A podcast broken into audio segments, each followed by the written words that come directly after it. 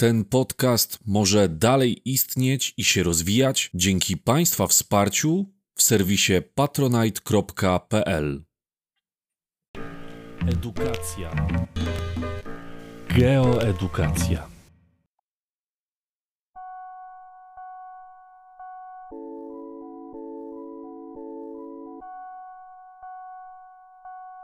Budowa układu słonecznego. Układ słoneczny to zespół planet i ciał niebieskich, które krążą wokół Słońca. Słońce jest tutaj zdecydowanie największym ciałem e, występującym właśnie w układzie słonecznym. No, skupia ono niemal całą masę, bo aż 99,9 masy układu słonecznego stanowi właśnie Słońce. Słońce oczywiście jest gwiazdą, która produkuje swoją energię w wyniku reakcji termojądrowych, które tam zachodzą i polegających na zamianie wodoru w hel. Układ słoneczny zaczął się formować około 4,6 miliarda lat temu, a więc jest to no, nieco ponad 1 trzecia czasu trwania całego wszechświata. Szacuje się, że na Ziemi temperatura spadła poniżej 100 stopni około 3,8 miliarda lat temu. No i dopiero oczywiście później mogło powstawać y, życie, oceany, no i Ziemia przybrała ostateczny kształt taki, jaki widzimy dzisiaj. W układzie słonecznym oczywiście centrum stanowi Słońce i to wokół Słońca krążą pozostałe planety.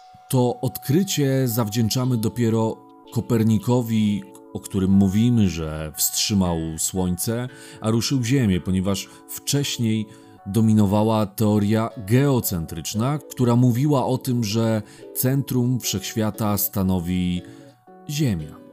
W układzie słonecznym poza ciałami, o których wspominałem przy temacie o wszechświecie, a więc poza kometami, naturalnymi satelitami czy meteoroidami, oczywiście główną rolę odgrywają planety. W Układzie Słonecznym znajduje się 8 planet, przy czym możemy je wyraźnie sobie podzielić na dwie grupy. Pierwsze cztery planety należą do grupy wewnętrznej, czasem nazywamy je grupą ziemską. Pierwszą planetą od Słońca jest Merkury. Jest to najmniejsza planeta. Mm, oczywiście, ponieważ jest najbliżej Słońca, to również ma najkrótszy czas obiegu wokół Słońca.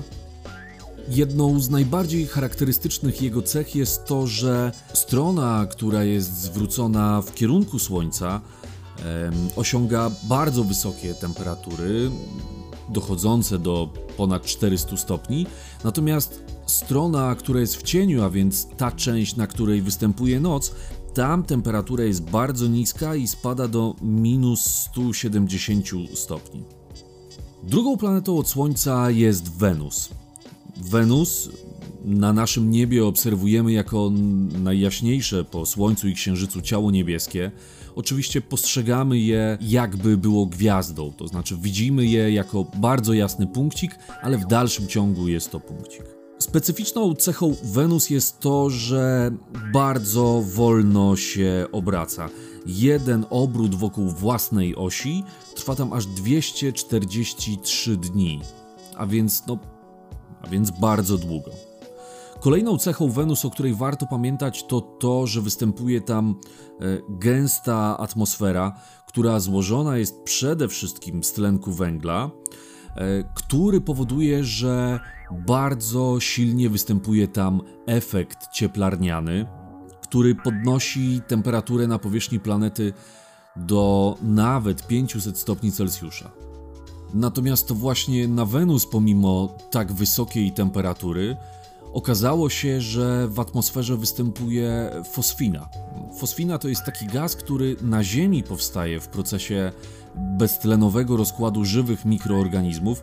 W związku z tym to na Wenus została w tej chwili skierowana uwaga dotyczące poszukiwania życia w naszym układzie słonecznym, oprócz oczywiście Ziemi.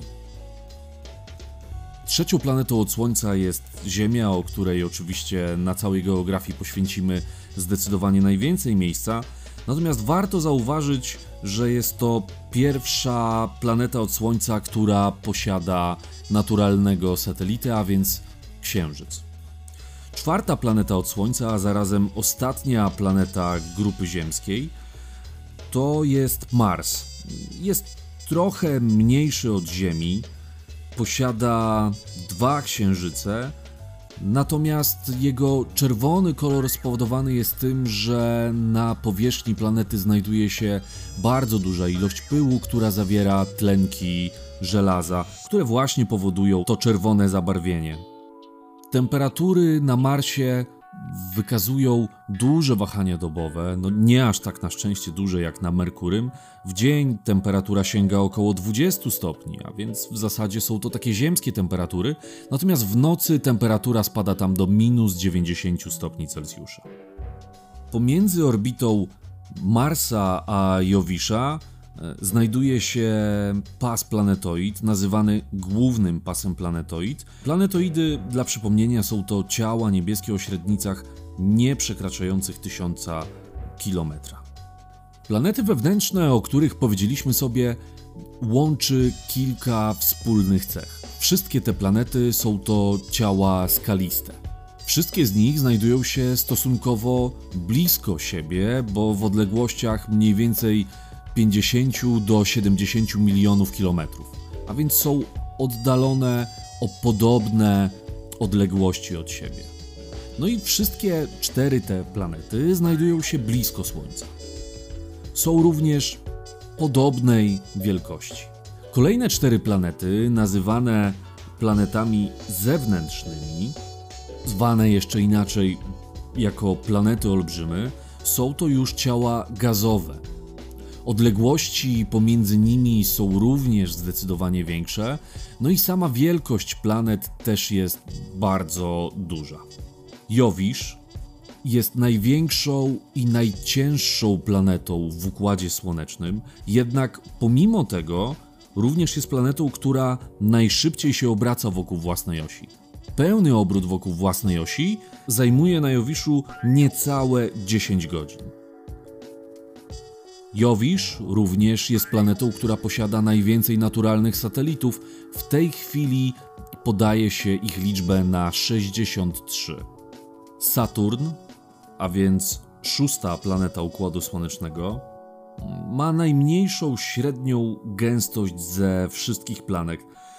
Ze wszystkich planet.